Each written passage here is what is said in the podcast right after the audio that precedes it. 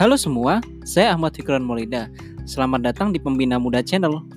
Channel yang berisikan konten tentang cerita, pengalaman, pembahasan topik tertentu, dan konten lainnya yang terkait dengan pembelajaran pengembangan diri. Selamat mendengarkan.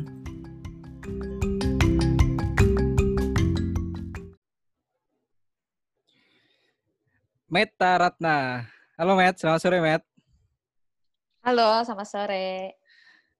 Mantap. Gue nggak tahu kenapa ya gue seneng banget eh apa namanya bisa diskusi sama lu. Padahal ya, padahal mungkin kalau diinget-inget kita tuh sebenarnya pernah ngobrol bareng gak sih? Kayaknya belum deh singkat gue deh. Iya gak sih? Pernah kayaknya dulu abis rapat itu loh yang event SAC kayaknya. Bener gak sih? Iya mungkin itu kan rapat, maksudnya ngobrol ngo- bener-bener ngobrol gitu loh. Kayak Oh ya, enggak, enggak, enggak. Kayak Cuman, sebelum- iya. Kayak sebelum ini nggak pernah deh kayak deh, singkat gue. enggak, enggak. Enggak, enggak ada. Bahkan Cuma pertama, ya, gitu. iya. Hai-hai doang gitu kan, normatif aja gitu Iya, kan. bener, bener, bener. Bahkan gue tahu lu itu pertama kali itu pas waktu kelas gabungan karakter building pas waktu kita masih kuliah tuh. Kelas siapa ya? Gue juga udah lupa nama Kelasnya? dosennya. Mohon maaf ya Pak kalau misalkan tiba-tiba Bapak denger. Iya, iya, iya, iya, iya. Tapi ini ya, apa namanya? Eh, tapi nggak satu kelompok kan? Enggak, enggak, enggak, enggak satu kelompok. Nah justru karena enggak satu kelompok itu, Oh, Oke, oke. gue apa namanya, apa ya, ter terimpress gitu loh. Ter, ada impresi dari lu. Kita gitu. mulai dari kenalan dulu kali ya. Gue gue pun juga belum Oke, tahu secara lu secara dalam. Eh, dan gue yakin juga sebaliknya. Walaupun apa namanya, ternyata lu setelah gue cari tahu, lu ternyata follow gue juga ya. Gue kira cuma gue doang yang nge-follow lu. Salah satu mahasiswa paling populer ya, cuy, di BINUS. Oh iya ya. dulu Iya, apa-apa kegiatan apa, kegiatan di BINUS pasti ada Fikron pasti. Oh gitu ya. Oke, kalau lu tuh aslinya orang mana sih, Met? Sebenarnya, Met? AC Sukabumi. Oh, wong suka bumi tuh. Oh. Sukabumi bukan Jawa, cuy, Sunda. Waduh. Goblok Sunda, ketahuan. Sukabumi. Begonya ketahuan gua berarti ya. Masih Jawa Barat. Oh iya iya iya. Asli Jawa Barat. Ter- Sekarang kesibukan lo apa, Met? Sekarang full time illustrator sih. Jadi Oh, sekarang ya. ada buka usaha sendiri di mana apa namanya eh, kegiatan utamanya ya memang bikin ilustrasi, bisa buat personal, bisa buat apa namanya bisnis juga. Nah terus udah kayak gitu nama apa namanya nama usahanya namanya Meta Mini Gallery. Nah office-nya ada di Kedoya daerah Kedoya. Gitu. Mantap. Terus ya selain itu masih aktif juga di kegiatan kerohanian, misalnya ngisi sharing dan lain sebagainya. Terus juga aktif di sahabat pipi merah, jadi komunitas sosial gitu deh. Jadi cuma tiga itu sih sekarang kegiatannya utamanya. Menarik karena itu yang apa namanya? Gue tuh gatel banget gitu loh pengen ngobrol tentang kegiatan sosial tuh bareng lu karena sejak kuliah pun apa ya kalau misalnya kegiatan sosial gitu loh salah satu mungkin bisa dikatakan ini ya role model ya eh, untuk ngelakuin kegiatan sosial atau yang Hmm. justru buat karena pas waktu kuliah kan gue juga dulu aktif di beberapa UKM dan salah satunya kerohanian dan role model kegiatan kerohanian tuh dari salah satunya dari lu gitu. Nah, eh, nah Thank you kenapa Fikron. Fikron juga aktif kan soalnya kan di Ya. TFI ya Fikron ya, bener kan? tuh lu aja sampai nggak tahu kan gue bahkan nggak aktif di TFA cuma volunteer cuy waktu itu. Oh ya, tapi kan tetap bantu-bantu kan di sana kan? Ya ya betul betul. Iya, iya. Ini kalau yang nggak tahu TFA itu di kampus kami dulu eh, organisasi ke- kerelawanan ya. Nah Betul. tentang sosial itu sih Matt. Jadi gue udah Mm-mm. ngefollow lu lama dari dari pas pertama gue keimpress banget sama lu di kelas Mm-mm. dan semua postingan-postingan lu bahkan yang terakhir lu tuh ada kayak posting ini ya yang kalau sudah meninggal eh, organ kita itu did- didonorkan kan? Iya, Nah, betul. waktu itu kalau nggak salah gue komen juga. kan. Betul. Nah itu sih yang Betul, bikin gue makin gatel tau gak ngomong pengen ngomongin kegiatan sosial gitu. Nah Mm-mm. eh, mungkin kita buka dulu dari general banget ya karena podcast Mm-mm. gue ini mengalir aja gitu nggak ada skripnya. Silahkan, Jadi, silahkan. jadi kita rada ngalor Ditanya ngidul. apa aja boleh. Ngalor okay, ngidul okay. dikit nggak apa-apa lah. Nah kalau kegiatan sosial, definisi kegiatan sosial sendiri menurut lo apa sih, Matt? Uh, menurut gue ya kegiatan yang bisa ada manfaatnya buat yang lain ya. Jadi maksudnya nggak cuma dalam bentuk materi aja, tapi maksudnya memberikan dampak uh, kepada orang lain. Misal, misalnya bisa menambah skill mereka, terus juga bisa membangkitkan semangat mereka, terus juga memberikan motivasi buat mereka itu juga sebenarnya kegiatan sosial sih. Jadi kayak untuk um, empower other lives gitulah maksudnya. Jadi kegiatan yeah. sosial ya menurut gua seperti itu gitu definisinya. Nah kalau pertanyaan yang remeh-temehnya nih, kira-kira lu udah berapa banyak ikut mm -mm. kegiatan sosial cuy? Gue nggak bisa ngebayangin sih. Gue tebak dulu ya, gue tebak dulu boleh ya. Iya, boleh, boleh, boleh. Lebih dari 50. Lebih dari 50? Kayaknya ada lah. Tapi belum ratusan sih kayaknya. Belum, belum ratusan sih kayaknya. Gila, Tapi lebih dari 50 kayaknya ada sih. Itu banyak banget loh cuy. Untuk uh, apa namanya orang seumuran kita gitu. 50 kegiatan men. Tapi ini ya maksudnya kegiatan dengan peran-peran yang berbeda ya. ya. Pasti, Jadi pasti. maksudnya ya ada perannya sebagai ketuanya, ada peran sebagai staffnya, maksudnya di bagian seksi apa namanya acaranya aja, terus di bagian misalnya apa namanya desainnya aja kayak gitu, terus bisa sebagai sponsor gitu, yeah, yeah. atau relawan, jadi beda-beda 50 itu, jadi nggak yeah, semuanya sih. ketuanya gitu nggak. kalau semuanya ketua beda -beda. bosen banget. Nah, uh, dari kesekian banyak itu ada nggak sih, Matt, yang lo apa namanya yang paling membekas gitulah, the most memorable gitulah kasarnya. Mungkin boleh uh, di-share kegiatan gitu. sosialnya ya. Iya, betul betul betul. Atau apa yang lu pelajari gitu?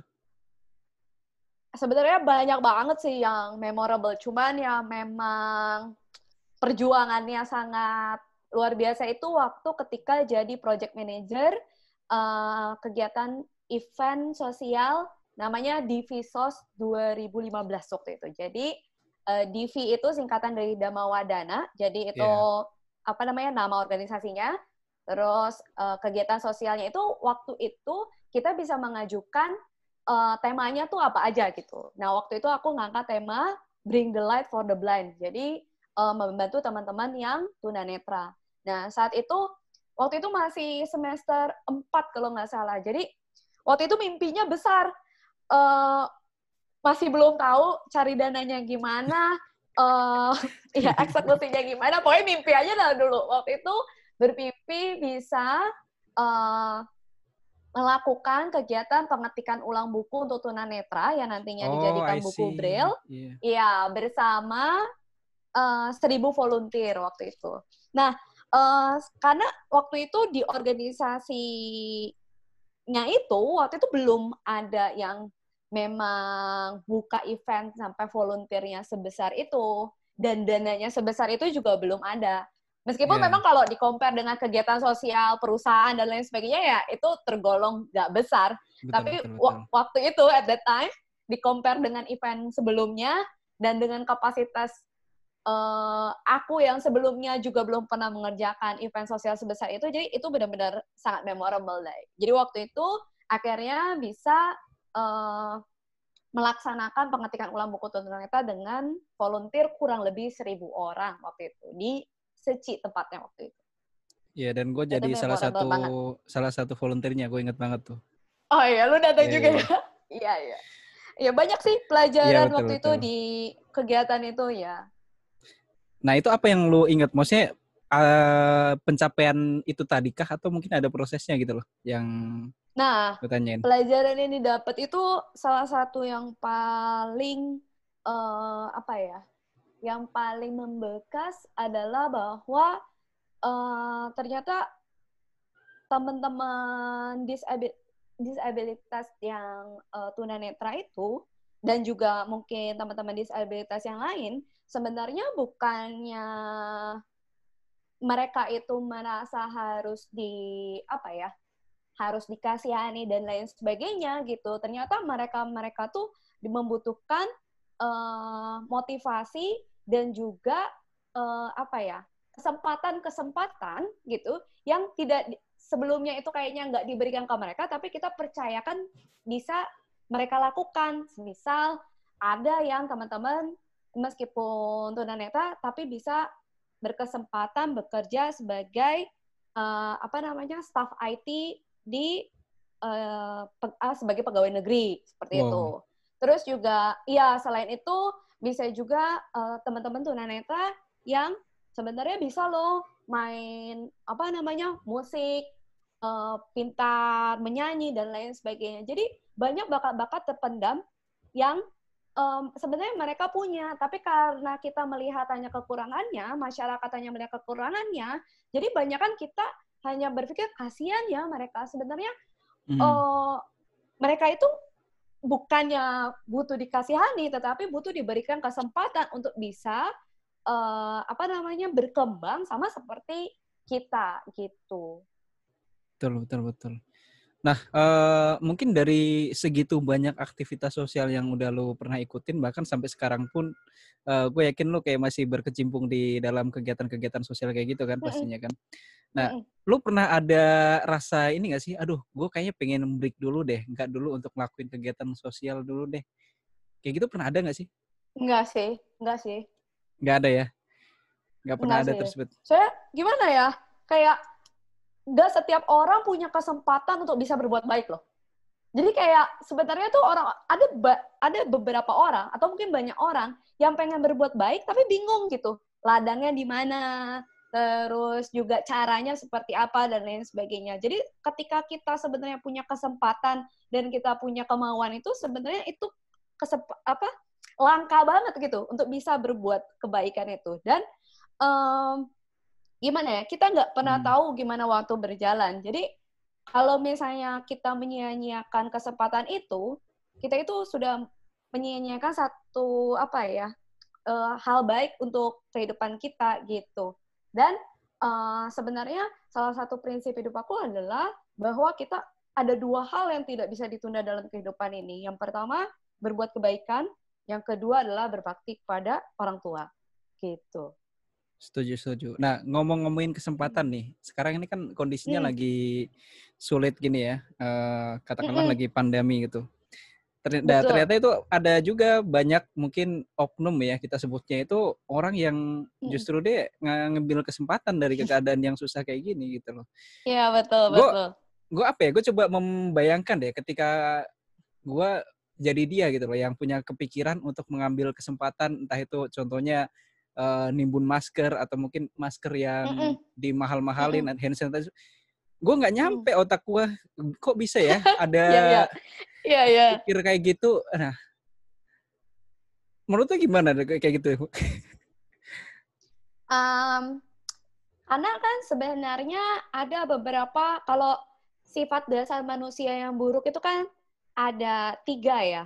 Ada kebodohan batin, maksudnya kayak mereka tuh sebenarnya nggak tahu kalau berbuat seperti itu tuh dampaknya buruk ke orang lain itu satu. Terus yang kedua, mereka serakah itu ada hmm, iya. satu lagi apa sifat buruk manusia ya yang biasanya itu. Jadi karena mereka melihat kesempatan bisa punya banyak uang dan lain sebagainya, akhirnya mereka melakukan seperti itu. Dan yang ketiga, sifat dasar manusia itu biasanya benci. Ya, tapi biasanya kalau yang terjadi sekarang ini ya antara dua itu antara mereka bodoh tidak mengerti bahwa uh, hal yang mereka lakukan itu dampaknya buruk, mereka itu melakukan satu apa ya uh, hal yang merugikan masyarakat, uh, dan yang kedua mereka diliputi dengan sifat serakah. Sebenarnya wajar seperti itu ya mungkin bisa aja sih dilakukan sama apa namanya oknum eh, oknum-oknum tersebut gitu ya. Tapi ya apakah kalau misalnya kita ya sebagai yang masih waras apakah akan melakukan hal seperti itu juga kan enggak gitu. Iya betul betul betul betul. Gitu. Nah, uh, eh, gue penasaran sama ini deh apa namanya? influence lu itu siapa sih Matt sebelumnya untuk uh, apa namanya beraktivitas sosial atau berbuat baik yes dan uh, kawan-kawannya lah gitu atau hmm, role model lu gitu betul betul sebenarnya kalau yang pertama kali dan yang paling dekat pasti kedua orang tua sih yeah. jadi Iya, jadi meskipun waktu itu di apa namanya di waktu kecil kan gue tinggal di Sukabumi ya. Jadi waktu itu meski di Sukabumi kehidupan keluarga tidak begitu baik secara ekonomi, hmm. tapi meskipun dalam keadaan susah itu aku melihat banyak contoh bahwa uh, si papa mama tetap melakukan uh, kebaikan, tetap membantu orang meskipun kitanya juga pas-pasan gitu waktu itu. Jadi ya banyak hal yang uh, aku belajarnya tuh dari mereka. Semisal kalau misalnya kita ulang tahun, misal bukannya yeah. kita harus pesta-pesta gitu misalnya, tapi uh, beli makanan beberapa misalnya nasi kuning 50 bungkus gitu, nanti kita bagiin kayak gitu. Terus kalau dengar orang yang kesulitan dan lain sebagainya, kita uh, dilatih untuk peka dan cepat bergerak gitu. Gimana ya cara kita bantu? Apakah uh, kita tahu obat yang pas tuh apa? Kalau misalnya mereka nggak bisa beli, apa kita bisa bantu beliin? Pokoknya keinisiatifan itu tuh dilatih sejak kecil yang aku rasa sih sangat terinfluensi dari orang tua gitu. Selain itu, ada lagi? Selain itu ya mungkin uh, karena besar di organisasi dan organisasinya juga organisasi rohani dan sosial, jadi pastinya juga terpengaruh oleh apa ya eh, teman-teman gitu ya. Jadi circle-nya yang memang mempengaruhi kita untuk bisa apa mendukung kita untuk membantu banyak orang juga kayak gitu. Tapi kalau spesifik person sih untuk saat ini sih uh, enggak ya. Tapi orang ba sangat banyak yang orang yang mempengaruhinya itu. Jadi kebentuk yang sekarang kayak gitu. Oh, I see. Nah, uh, eh, gue nggak tahu ya, ini tiba-tiba kepikiran di otak gue, mungkin pertanyaannya sedikit mm -mm. Ter terdengar rada bodoh gitu ya. Kenapa tuh? Bahkan gue mau nanya aja malu nih. Pernah gak sih lu pas ketika lu udah ngelakuin kegiatan sosial atau mm -mm. whatever kegiatan lah, uh, mm -mm. lu nyesel gitu akan hal tersebut gitu? Ada yang lu sesali mm, gitu? Okay. Uh, sejauh ini sih enggak ya, enggak ada ya.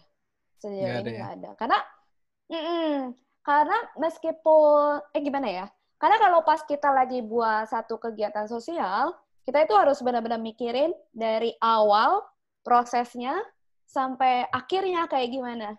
Biasanya kan kayak gini, kita itu, uh, let's say lah, misalnya mau bagi-bagi makanan gitu ya, bagi-bagi hmm. makanan ke uh, apa namanya saudara-saudara kita yang di jalanan yang kurang mampu gitu. Kita yeah. beli gitu. Tapi tanpa pikir panjang, kita misalnya beli cuma 20 gitu misalnya. Terus kita langsung ke apa namanya? ke jalan yang cukup besar misalnya. Terus kita bagiin 20 itu eh ternyata yang datang itu nggak 20 misalnya, 50 orang terus kita langsung dikeroyok gitu. Pas abis dari itu kan pasti kita kayak bilang kan, aduh gila, kalau tahu kayak gitu gue nggak akan apa namanya nggak akan bagi-bagi makanan. Kayak nah, itu gitu ya. maksud gue takut tuh ya, banget ya, gitu. ah uh. betul kan? Uh. atau misalnya kita kasih uh, ke pengemis misalnya. Ngasih ke pengemis misalnya uh, seribu. Dia nggak mau seribu. Kok gue cuma dikasih seribu katanya? Lima ribu dong misalnya kayak gitu kan. Nah jadi banyak uh, ketika berbuat baik juga banyak tantangannya ya. Karena nggak uh, semua apa yang kita berikan itu memang diterima sama si apa namanya orang yang mau kita orang yang kita kasih itu. Nah, jadi kalau aku sih ini ya, apa namanya? Hmm, benar-benar preventif ketika kita memang mau melakukan kebaikan juga gitu maksudnya. Jadi kalau misalnya apalagi eventnya cukup besar, benar-benar harus perhatikan awalnya, prosesnya sampai akhirnya. Semisal kalau awalnya kita harus benar-benar survei orang yang mau kita kasih itu siapa, lokasinya, misal kalau mudah diakses atau enggak, dan lain sebagainya. Terus yang ketiga, apa sih yang mereka benar-benar butuhkan? Hmm. Gitu. Itu yang pertama. Prosesnya, kita juga harus tahu sistemnya. Semisal kalau kita tidak mampu membagikan makanan sebanyak itu ke apa namanya? ke komunitas yang sangat besar, misal kita bisa satu, misalnya, membantu lewat institusi yang memang sudah tahu sistem yang bagus. Yang kedua, kita bisa pakai cara yang lain.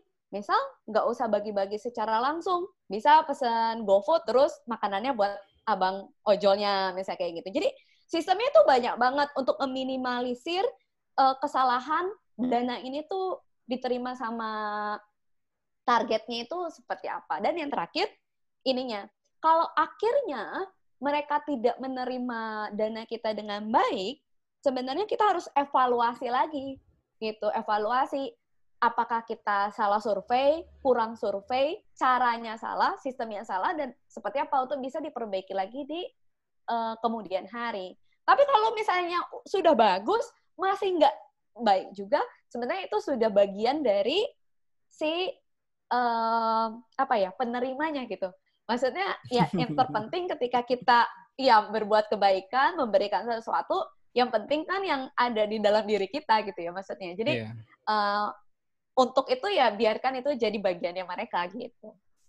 Iya, karena ini apa namanya? Gue baru ketemu nih alur berpikirnya. Karena uh, kemarin-kemarin itu ada stigma gini, Matt. Mungkin lo juga mm -hmm. udah banyak dengar tentang hal ini. Jadi ada kekhawatiran untuk seseorang itu berbuat baik. Contohnya misalkan kalau misalkan apa namanya kita mau kasih sumbangan nih ke seseorang yang menurut kita secara kasat mata ya kan itu perlu banget untuk dibantu. Eh tahu-tahu misalkan ada informasi entah itu dari mana entah itu bisa dari media yang apa namanya viralkan hal tersebut. Oh ternyata si X ini yang kelihatan kemarin di jalan ngemis-ngemis taunya di kampung udah punya Ferrari misalkan. Nah kayak gitu gitu tuh menurut tuh gimana tuh hal kayak gitu Pet? Uh, sebenarnya pas lagi gimana ya kalau pas lagi kita sudah melakukan gini ya maksudnya ya kalau sudah yeah. melakukan sebenarnya ya belum. itu udah jadi bagi oh belum belum ini konteksnya atau belum belum belum karena hmm. konteksnya dia mau berbuat baik tapi ada ketakutan akan hal tersebut gitu loh entah itu takut ketakutan uh, tertipu atau mungkin oh, uh, okay. nantinya bakal diomongin orang lah kayak gimana atau gimana gitu oke okay, oke okay. oh kalau misalnya kayak gitu menurut gua kalau selama masih ada ketakutan kayak gitu sebenarnya ini kebaikan nggak akan jalan-jalan sih karena Betul. kita sebenarnya skeptis nih ke semua orang gitu kan, bener kan? Dan nah, uh. jadi sebenarnya kalau misalnya hmm, ketika melakukan uh, mau melakukan kebaikan itu sekali lagi harus diminimalisir kemungkinan-kemungkinan yang ada yang kayak tadi.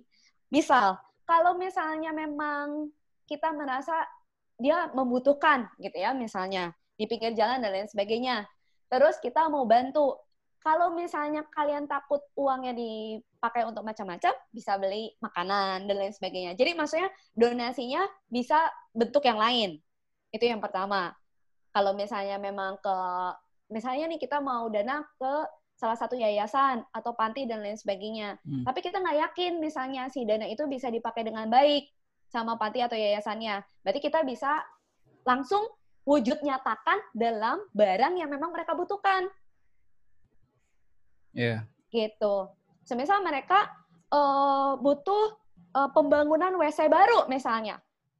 Kan ada yang misalnya ya udah kasih aja dananya, tapi belum tentu loh WC-nya atau toiletnya di apa namanya dijadi gitu kan.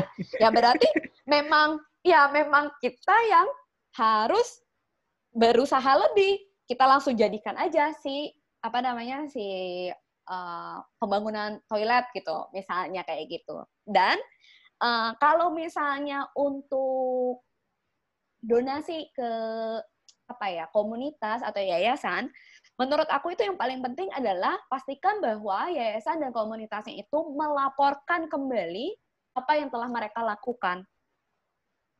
Karena banyak apa ya, ada beberapa atau mungkin banyak uh, yayasan, komunitas dan sebagainya mereka buka dana, galang dana, apalagi kalau zaman sekarang ya, maksudnya yeah eh sorry bukan zaman sekarang. Lagi di lagi apa namanya? kondisi sulit kayak gini ya, pandemi. kondisi sulit ini betul.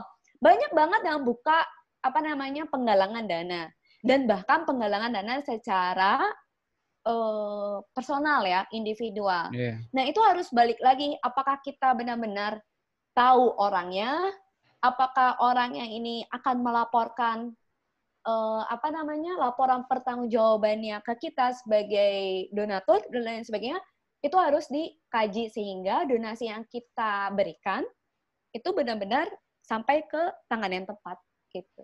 Nah menarik nih, ntar coba uh, apa namanya, gue ada tiba-tiba kepikiran akan hal itu juga. Nah, mm -mm, ya tapi sebelum itu gue tadi sempat nangkep kalimat lo yang nggak semua orang itu punya kesempatan berbuat baik. Emang ada? Betul. Jadi ada orang yang bingung gitu. Maksudnya gimana ya aku bantu orang lain? Atau misalnya mereka punya banyak uang, tapi kayaknya mereka nggak ketemu nih orang-orang yang mau dibantu kayak gitu. Mungkin kayak di, bukan dibutakan ya maksudnya, kayak di, tertutup gitu maksudnya inisiatif mereka untuk bantu orang karena mereka jadinya bingung gitu untuk bantu oh. apa namanya itu gimana. Terus mungkin uh, mereka punya banyak uang, tapi tenaganya sudah tidak ada, semisal. Tapi mereka pengen misalnya, itu kan kesempatan-kesempatan yang sebenarnya uh, mereka lewatkan waktu pas lagi muda gitu misalnya. Gitu sih maksudnya. Oh, I see. Nah, uh, nyambung sama yang sebelumnya tadi. Itu kan mm -mm. apa namanya kekhawatiran itu justru mm -mm. beberapa waktu yang lalu itu diperkuat met dengan adanya misalkan larangan kita mm -mm. untuk ngasih secara tunai di orang-orang yang ada di jalanan, khawatirnya nanti buat dia makin males lah, masih muda kok nggak uh, nggak pengen kerja, pengennya minta-minta doang. Mm-hmm. Nah, nah kayak gitu menurut lu gimana tuh? Ya itu dia. Maksudnya gini, kalau aku ya, uh, kita nih jangan pernah membatasi bahwa kebaikan itu hanya bisa dilakukan lewat uh, material.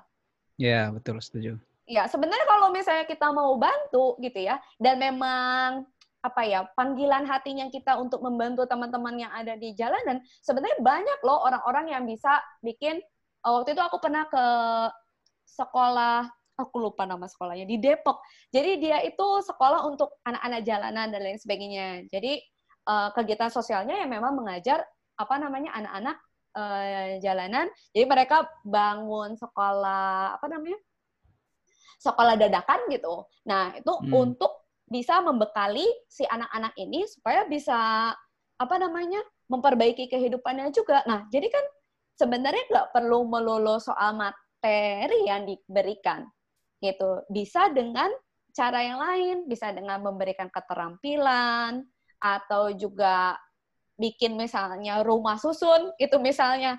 Terus hmm. kamu eh kita apa namanya berdayakan mereka di sana kasih mereka kesempatan bekerja dan lain sebagainya. Itu juga sebenarnya kan membantu gitu. Jadi pola pikirnya yang perlu di apa di agak diganti bahwa kita tidak perlu memberikan melulu soal materi gitu, tapi kita bisa uh, apa namanya come up with other ideas gitulah maksudnya. Gitu. Oke. Okay. Nangkap, nangkap, nangkap. Nah, ngelanjutin tadi yang apa namanya fenomena tiba-tiba banyak banget yang apa namanya galang donasi lah atau mungkin uh, gue bilangnya apa ya uh, semacam komunitas yang banyak banget dan mirip-mirip gitu Nah, mm -mm. Uh, dari situ gue kayak ada sedikit keresahan gitu ya. Kenapa kok mm -mm. jadi semakin banyak? Mungkin di lain hal ada positifnya ya. Semakin banyak juga orang yang peduli, semakin banyak juga orang yang baik kasarnya. Kesempatan ya. Kesempatan betul, juga. Betul. Nah, mm -mm. tapi keresahan yang gue maksud adalah kalau misalkan banyak itu yang terjadi adalah impactnya kecil-kecil gitu Iya kan? Uh, nangkep hmm. maksud sini? Contohnya gini, misalkan gue bikin satu gerakan A misalkan, lu juga ngelakuin gerakan A.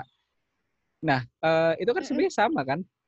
Mirip kasarnya. Nah, kenapa nggak jadi satu, terus kemudian uh, akhirnya kegiatan atau komunitas atau apa pun itu jadinya hmm. gede dan punya impact yang gede juga gitu loh. Menurut tuh gimana, Matt, yang kayak oh, gitu? Okay. Kalau misalnya yang dibantu targetnya berbeda, sebenarnya kan itu memperluas ini juga ya, ya memperluas ya, targetnya juga ya. Jadi menurut hmm. uh, aku kayaknya sih tidak apa ya, tidak tidak terlalu uh, dampaknya signifikan. Ke, ya maksudnya, sorry, tidak terlalu merugikan ketika mereka jadi terpecah-pecah karena sebenarnya jadinya uh, perpanjangan tangannya jauh lebih luas maksudnya kayak gitu. Nah, ya, tapi yang perlu diperhatikan sih ininya sih pengelolaan dananya ya. Maksudnya apakah si komunitas-komunitas yang mirip-mirip ini dan yang jadi semakin banyak ini, apakah benar-benar memanfaatkan dana yang masuk dengan sebaik-baiknya apa enggak gitu. Itu yang perlu diperhatikan sih. Hmm. Contohnya gini, misalkan ya, ya misalkan komunitasnya belajar misalkan lah ya. Belajar ngajarin anak-anak eh mohon maaf mungkin yang kurang beruntung akhirnya berakhir di jalanan misalkan. Nah, kayak gitu aja misalkan kita nggak usah ngomong di Indonesia dulu deh. Di Jakarta aja, bahkan di Jakarta Barat itu ada banyak banget yang gue tahu gitu. Nah, uh, sampai ini sempat ini ya kalau misalkan gue coba berpikir uh, apa namanya negatifnya, gue sempat nyimpulin dengan pikiran yang negatif itu, ini karena adanya ego di oh, komunitas-komunitas okay. itu. Nah, gue nggak okay. tahu hal ini itu sebenarnya benar atau enggak sih. Walaupun gue terkadang juga dukung juga semakin banyak komunitas. Karena saat sampai saat ini pun gue nggak uh, apa ya istilahnya melekat di satu komunitas. Gue juga terlibat di banyak komunitas karena kalau misalkan gue berpikirnya gue nyantol di satu komunitas, energi gue, uh, pikiran gue pasti akan lebih ke komunitas tersebut. Tapi kalau gue kesannya jadi volunteer-volunteer aja atau jadi member-member biasa, energi gue bisa apa namanya tersalurkan dengan banyak channel gitu. Nah, untuk okay. yang ego tadi, menurut lu gimana? Uh, pertama yang soal banyaknya komunitas itu ya. Iya betul betul. Kalau misalnya ya bahkan meskipun banyak komunitas seperti itu, toh anak jalanan nggak semuanya ke jangkau kan? Gimana sih? Nah, ya, betul nggak sih? Betul, nah, karena kan, karena kecil-kecil nah. komunitasnya nggak jadi satu, jadi impactnya gede gitu loh, secara logika pikiran negatif gue ya. uh, tapi menurut gue, ketika nah, sebenarnya kalau oke nih kecil-kecil ya misalnya ya komunitasnya. Tapi dengan misalnya mereka me, apa namanya? Oh, aku bagian sini eh, udah di yang sini, ini di sini. Oke, ini di daerah A, B, C, D, E gitu misalnya. Itu sebenarnya ya bisa-bisa aja sebenarnya ter apa namanya ya? terjangkau juga. Tapi kan sebenarnya efisiensi mereka pun juga bekerjanya benar-benar fokusnya tuh oke okay nggak gitu ya kinerjanya gitu. Itu yang perlu dievaluasi lagi kan. Ya, ada betul. namanya, ada komunitasnya, tapi efisiensi bekerjanya kan kita nggak tahu ya. Nah, tapi terlepas dari itu, yang mau aku uh, coba utarakan adalah aku juga punya ya kan satu komunitas ini namanya Sahabat Pipi Merah. Nah, sebenarnya bukannya dengan ego bahwa pengen punya komunitas sendiri. Nggak kayak gitu sih sebenarnya. Ya, Tapi lebih hmm. kepada bahwa um, dulu ketika di organisasi yang lama dan beberapa organisasi sebelumnya, biasanya dana yang masuk ini itu dipakai juga untuk kegiatan operasional. Betul. Seperti acaranya, hmm. seperti konsum, eh sorry, konsumsi. konsumsi, transportasi, transportasi, ya. ya. Hmm. Ah, dan dan sebagainya bikin kaos ya ah pokoknya kayak gitu-gitu deh yang iya. biasanya yeah. itu diperuntukkan untuk panitianya bukan untuk si target donasinya itu ya hmm. biasanya dulu sih gitu waktu yeah. sebelum sebelumnya hmm. nah um, sekarang ini di yang sahabat PP merah ini sebenarnya pengennya aku adalah bahwa seluruh donasi yang masuk itu memang diperuntukkan untuk si target donasinya gitu si entah panti asuhannya, yayasannya dan lain sebagainya. Jadi tidak ada sepeser pun dana yang keluar untuk operasional. Dan hmm. dana operasionalnya itu datang dari ya memang dari apa namanya? Anggota membernya. Uh, bukan. Oh, bukan. Uh, kasnya aku. Maksudnya memang dari keuntungan bisnis maksudnya. Oh, I see. Gitu. Nah, jadi memang hmm. aku pokoknya 100% dana yang masuk emang untuk si target donasinya. Makanya kenapa kegiatannya pun juga belum bisa yang begitu terlalu besar hmm. karena seluruh dananya diberikan ke target donasi dan seluruh operasional ditanggung oleh uh, Meta Mini Galerinya. Nah, kenapa melakukan itu? Sebenarnya karena uh, aku lebih tahu ketika melakukan sendiri itu lebih tahu bahwa dana yang masuk sama keluar ini tuh benar-benar memang ditargetkan untuk si target donasinya. Ketimbang kalau nggak ngelakuin sendiri, misalnya ada beberapa hmm. sistem yang kita tuh nggak cocok gitu. Nah, menurut aku pun mungkin beberapa komunitas itu pun juga punya visi, punya cara yang memang beda-beda. Sebenarnya, yeah. jadi ya boleh nggak mereka pisah? Sebenarnya boleh aja, tapi harus benar-benar stick sama visi dan juga sistemnya mereka gitu. Nah, kalau yang agak bedanya lagi, yang aku lakuin nih, kalau yang aku lakuin di sahabat PP Merah, setiap yang donasi pasti akan dapat apresiasi gitu. Jadi yang donasi itu biasanya akan dapat ilustrasi karya aku atau lain sebagainya hmm. gitu. Dan setiap kali acara selesai, aku pasti hubungi lagi mereka satu persatu. Mau yang kekumpul misalnya donaturnya 100 orang, 200 orang, itu akan dihubungi lagi satu persatu untuk diberikan laporan pertanggungjawaban. Hmm. Gitu. Nah, kalau misalnya aku join apa namanya komunitas yang lain, mungkin ada beberapa pertimbangan. Yang pertama, apakah jadwalnya pas sama kegiatan komunitas tersebut? Itu satu. Kedua, apakah sistemnya bisa diaplikasikan juga atau enggak? Kan nggak tahu juga. Atau ketiga, ketika kita apa ya kita pengennya semua laporan pertanggungjawaban dibuka ke donatur laporan pertanggungjawaban dirapikan untuk disampaikan lagi ke donatur ada beberapa yayasan yang tidak melakukan hal itu entah karena lupa entah karena nggak tahu. apa ya? Iya duit keluar masuk yang nggak jelas dan lain sebagainya. Nah dalam beberapa kasus seperti itu agak sulit ketika kita pengen gabung nih antara satu komunitas sama satu komunitas lain karena cara kerja yang beda, visi yang beda dan lain sebagainya. Jadi sebenarnya tidak kalau menurut aku pribadi tidak terlalu masalah sebenarnya terpisah-pisah. Asalkan segmentasinya jelas, memang visinya jelas dan memang mereka melakukan ya sesuai dengan amanah masing-masing apa namanya organisasi kayak gitu sih. Gimana kalau menurut Fikron? Oke, kalau itu menarik sih dan make sense juga gitu maksudnya. Kalau menurut gua justru sebenarnya hal tersebut bagus, tapi ada yang satu miss nih. Benang merahnya hmm. itu sebenarnya di sinergi. Sinergi antar komunitas itu yang menurut gua masih kurang gitu loh. Sinergi dalam artian gini. Kalau misalkan pandangan gue sinergi artinya satu ditambah satu bukan lagi dua, tapi bisa sepuluh gitu. Jadi bukan cuma sekedar bikin event bareng, tapi lebih ke impact-nya untuk ke target kita masing-masing juga gitu. Nah benang merahnya itu sebenarnya sinergi gitu loh, yang apa namanya perlu digaungkan lagi ke teman-teman yang ada di komunitas gitu.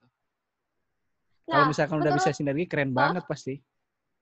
Oke, okay, dan menurut aku sebenarnya kapasitas untuk menyambungkan satu komunitas dengan komunitas lain sebenarnya bukan di di di ranahnya kita sebagai aktivis sebenarnya Laku, itu ya? sudah di ranahnya pemerintah, pemerintah gitu maksudnya. Betul betul.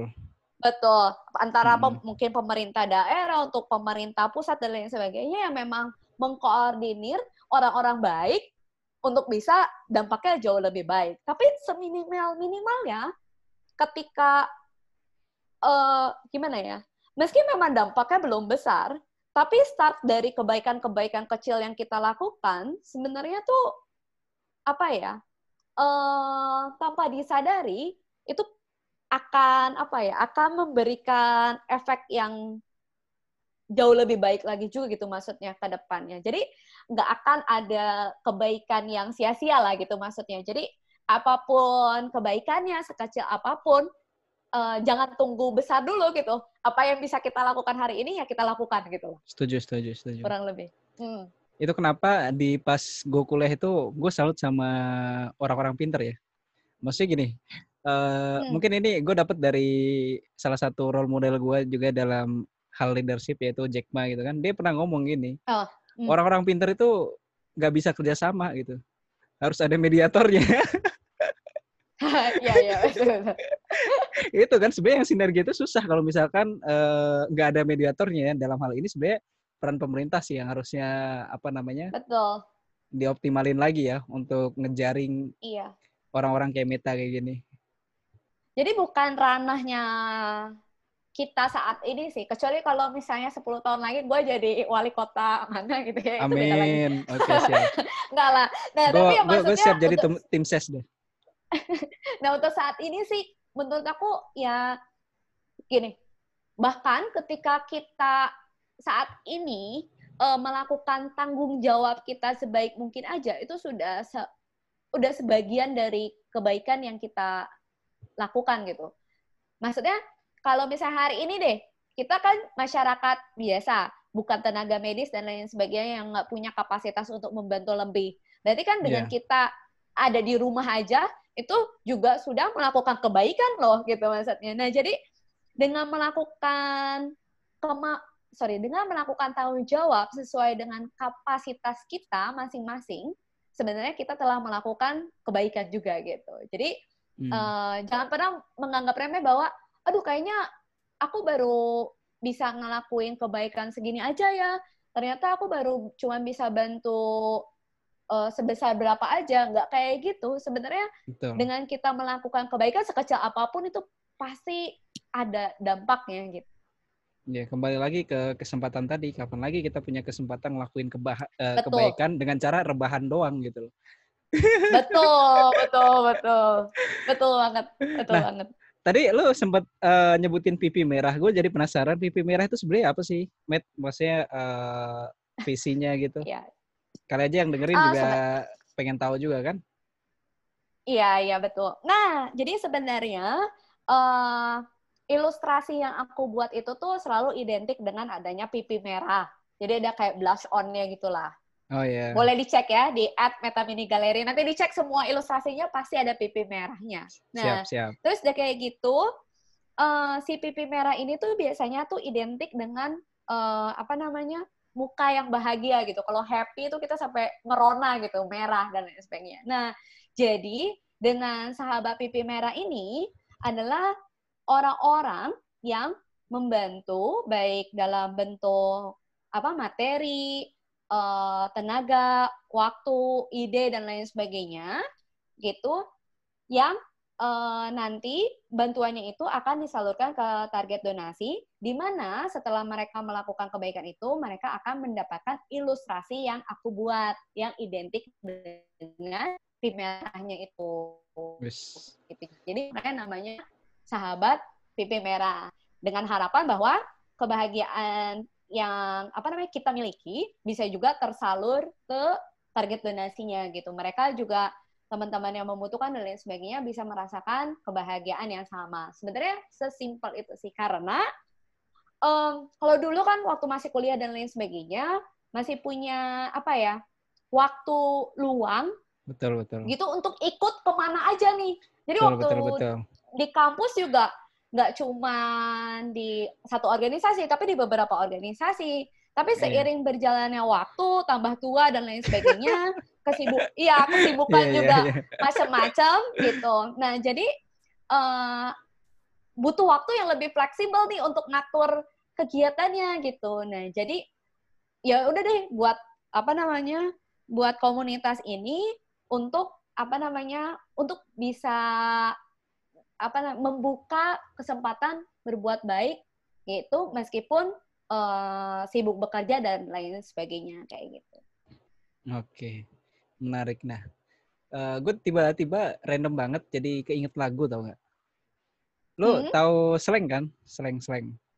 Selain tahu gue, tapi Ya. gue nggak begitu tahu Oke, banyak siap. lagunya. Siap. Jadi mungkin ntar lu bisa dengerin ya. Ada lagu yang namanya Hmm. itu Solidaritas atau atau bahkan lu tahu Mm-mm. lagu itu? Tahu nggak? Nggak, nggak tahu gue. Oh, nah, ntar abis ini coba lu dengerin. boleh, nah, boleh, boleh. Nah, di inti lagu itu itu eh ini ya yang lagi relevan banget nih menurut gua nih. Jadi dari kemarin pun gua kalau misalkan list playlist gua selalu ada lagu itu. Di mana lagu Hmm. itu liriknya itu ngena banget gitu. Salah satunya mungkin kenapa kita harus tunggu bencana baru kita bisa atau rela menyisihkan harta kita untuk sesama. Atau Hmm, misalkan kenapa kita harus tunggu bencana sih eh, untuk kita berbuat baik kepada orang lain. Nah itu apa ya? Menurut gua itu dalam banget sih maknanya sih. Menurut tuh gimana kalau misalkan Betul, betul. hal itu? Apakah itu emang normal dalam artian emang kodratnya seperti itu atau gimana?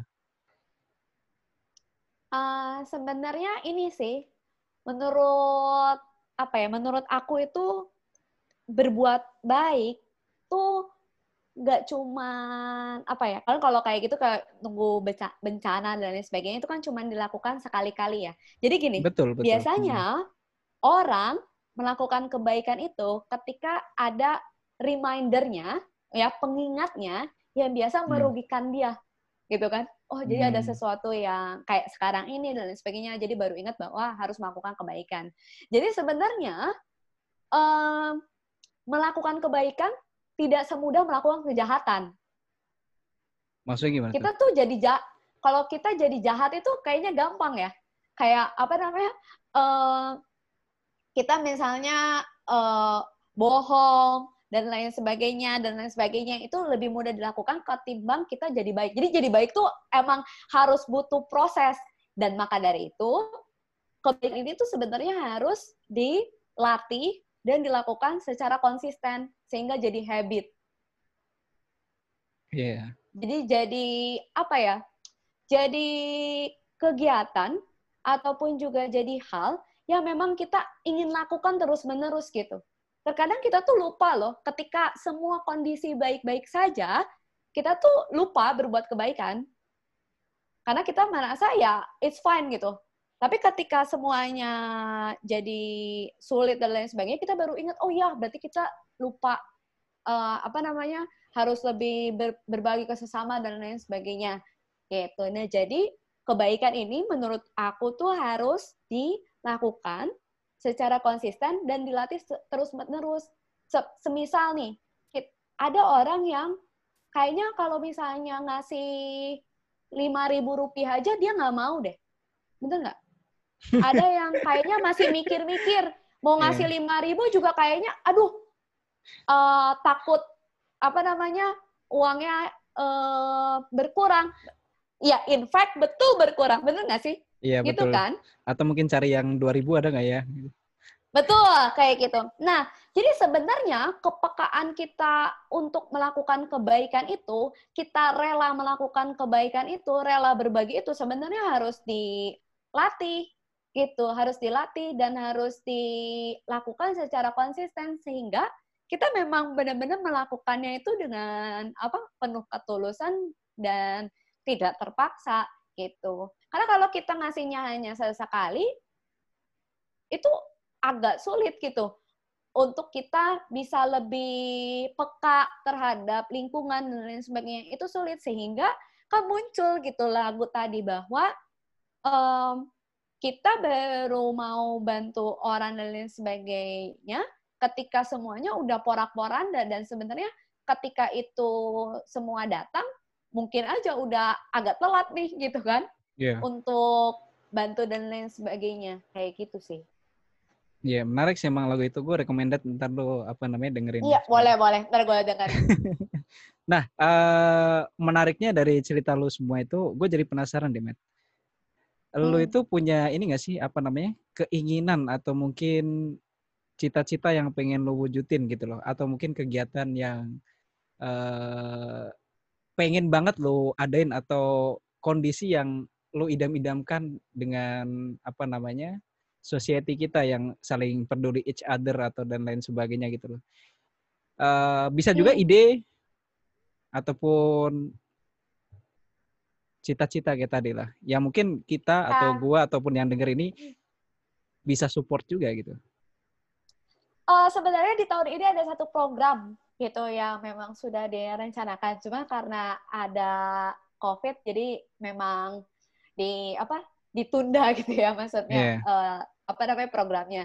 Jadi eh, programnya sebenarnya em, karena eh, aku ada di dunia apa namanya industrinya industri seni ya maksudnya ya karena kan bergerak di bidang painting terus di apa namanya yang berhubungan sama art dan lain sebagainya Jadi hmm. memang akan lebih fokus ke sana.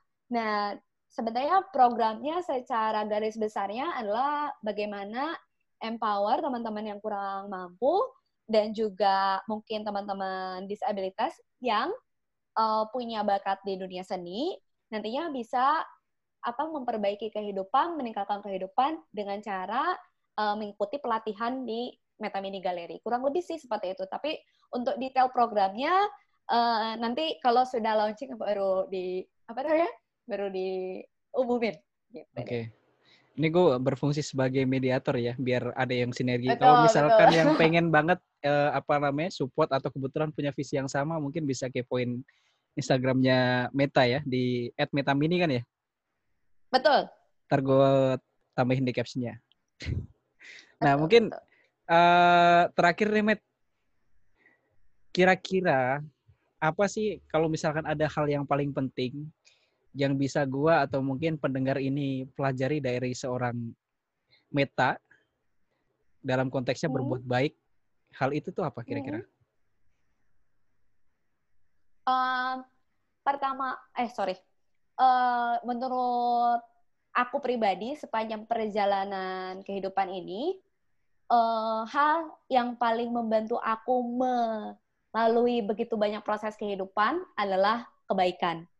Jadi uh, jangan pernah be lelah berbuat kebaikan karena nanti pasti kebaikan itu bakal datang lagi ke kita. Nah, kenapa sih uh, harus kayak gitu? Karena um, kalau misalnya diibaratin rantai makanan ya, rantai makanan kan dari padi, terus hmm. padi dimakan sama uh, belalang lah, gitu kan? Belalang dimakan sama tikus, tikus dimakan sama ular, dan selanjutnya dimakan sama elang. Itu kan sebenarnya proses saling memberi gitu ya, antara si dari padi memberikan sesuatu ke belalang, belalang memberikan sesuatu ke ular, dan seterusnya sampai ke elang. Lalu apakah berhenti di elang? Ternyata enggak ya ketika elang meninggal, terus terurai dan lain sebagainya sama jamur, akhirnya si elang ini akhirnya bermanfaat juga loh buat padinya. Gitu. Nah, jadi sebenarnya kebaikan yang kita lakukan meskipun kelihatannya kita memberikan misalnya punya duit 50 ribu, kita kasih 10 ribu.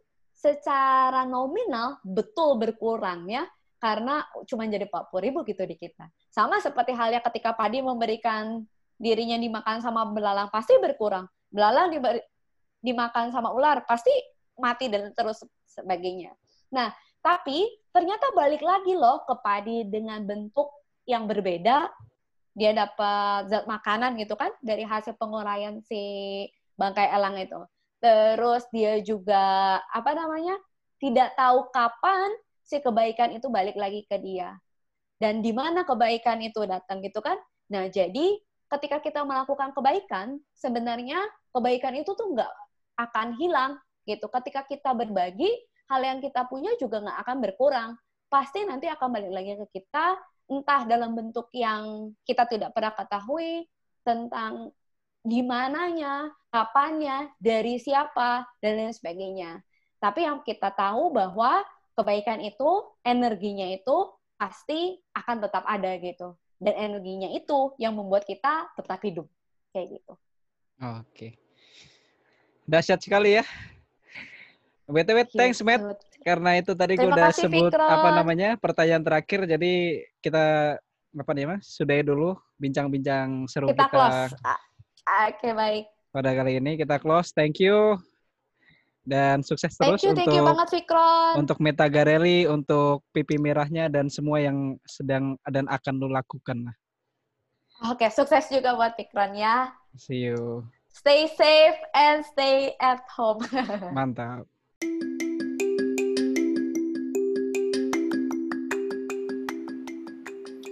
Terima kasih sudah mendengarkan Pemindah Muda Channel. Semoga kontennya bermanfaat dan sampai jumpa di episode selanjutnya. Bye-bye!